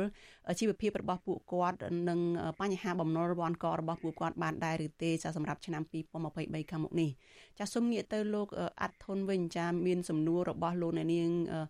ច្រើនណាស់ដែលដាក់នៅលើ Facebook របស់យើងនៅពេលនេះនឹងគឺគាត់ចង់ដឹងថាតើមានមូលហេតុអ្វីខ្លះដែល ដែលធ្វើឲ្យប្រាក់ឈ្នួលនឹងមិនមិនអាចបានន័យថាមិនអាចដំឡើងបានទៅតាម អ្វីដែលកម្មករគាត់រៀបរាប់ថាជាប្រាក់ឈ្នួលសមរម្យចាធ្វើឲ្យជីវភាពរបស់ពួកគាត់នឹងបានសមរម្យហើយដោះស្រាយជីវភាពបានហើយមិនកាត់បន្ថយការចំណាយនៅលើខ្លួនឯងជាពិសេសគឺកម្មករខ្លួនឯងនឹងអ្នកដែលធ្វើការនឹងតែងតែកាត់បន្ថយទាំងចំណីអាហារខ្លួនឯងការផ្គត់ផ្គង់ខ្លួនឯងផ្ទាល់នឹងហើយនឹងសម្លៀកបំពាក់ឬក៏ សុខភាពអីហ្នឹងពេលឈឺអីហ្នឹងក៏មិនសូវជាហ៊ានទៅពេទ្យទៅអីដែរពីព្រោះថាកាត់បន្ថយចំណាយនឹងហើយតើមានមូលហេតុអ្វីដែលมันអាចដំឡើងប្រាក់ឈ្នួលឲ្យបានសមរម្យបានតាំងពីពេលកន្លងមកហ្នឹងចា៎បាទអរគុណច្រើននេះហើយអរគុណជួបហើយបងជាតិបង នោះដែលអាចឡើងបានឬគឺវាអាស្រ័យទៅលើការជជែកភាសាគ្នាហើយអាស្រ័យលើអតិពលហើយកន្លងមកគឺថាមានការផ្ដល់ជាហោហែទៅតាមចំនួនច្រើនទៅតិចទៅតាមលទ្ធភាពដែលពួកយើងបានធ្វើការកន្លងមកតែបើឆ្លើយទៅនឹងសំណួរថាថាហេតុអីបានមិនអាចឲ្យតបទៅនឹងការចង់បានរបស់កម្មករមិនអាចបញ្ជាក់ថា ការកំណត់ប្រាក់ឈ្នួលបច្ចុប្បន្ននេះគឺវាអត់មានសំដៅទៅលើតែការស្រាវជ្រាវបច្ចេកទេសហើយរកលេខឃើញហើយដាក់យកតម្រោះបានទេគឺជាទូទៅក្រមប្រសាជាតិប្រាក់ឈ្នួលក៏ដូចជាគណៈកម្មការចរចាប្រាក់ឈ្នួលនេះយើងតែងតែរករបាយការណ៍តួលេខបែបវិទ្យាសាស្ត្រដូចជារបាយការណ៍ចេញពីស្ថានជាតិស្ថិតិឬក៏របាយការណ៍របស់ក្រសួងសេដ្ឋកិច្ចនិងធន ការធនាគារគ្រប់លោកផ្សេងៗទៀតដែលយកមកគុនគូរួមទាំងរបាយការណ៍ជាច្រើនដែលយើងអាចប្រើប្រាស់បានជារបាយការណ៍ផ្លូវការហើយអឺការយោងទៅលើសេដ្ឋកិច្ចនិងស្ថានភាពទីផ្សារក៏ជាផ្នែកមួយដ៏សំខាន់ដែលយើងយកទៅកណនានៅកលិខទាំង7នោះតែអឺទោះបីយើងរកឃើញចំនួនប្រមាណក៏ដោយ ការដែលសម្រាប់គឺវាមិនអាចទៅតាមយើងចង់បានទេមានន័យថានៅក្នុងគណៈកម្មការវាមានត្រីភាគីវាមាននយោជកកម្មករយុចិត្តនិងរដ្ឋាភិបាលហើយភាគីទាំង3គឺតែងតែមានការជជែកគ្នាឲ្យចុងក្រោយនៅពេលដែលมันមានលេខឯកភាពនោះគឺថារដ្ឋនឹងស្នើមានការបោះឆ្នោតហើយជាទូទៅគឺលេខរដ្ឋាភិបាលកំណត់តែងតែមានការបោះឆ្នោតឈ្នះរហូតដោយសារតែ ភាគច្រើននៃនយោជកឬក៏ទាំងអស់នៃនយោជកនឹងឯកភាពលេខនោះហើយមួយចំនួនឬក៏អាចថាភាគច្រើនមួយចំនួនដែរនៃសហជីពនោះគ្រប់គ្រងលេខនោះដែរដោយសារតែសហជីពមួយចំនួននោះគាត់មិនបានចូលទៅលើផលប្រយោជន៍កម្មករក្នុងប្រមាណគាត់សហជីពខ្លះគាត់មិនឯករាជ្យគាត់នៅក្រោមអធិបុលនយោជកខាងរដ្ឋាភិបាលជាដើមអញ្ចឹងបានវាឃើញ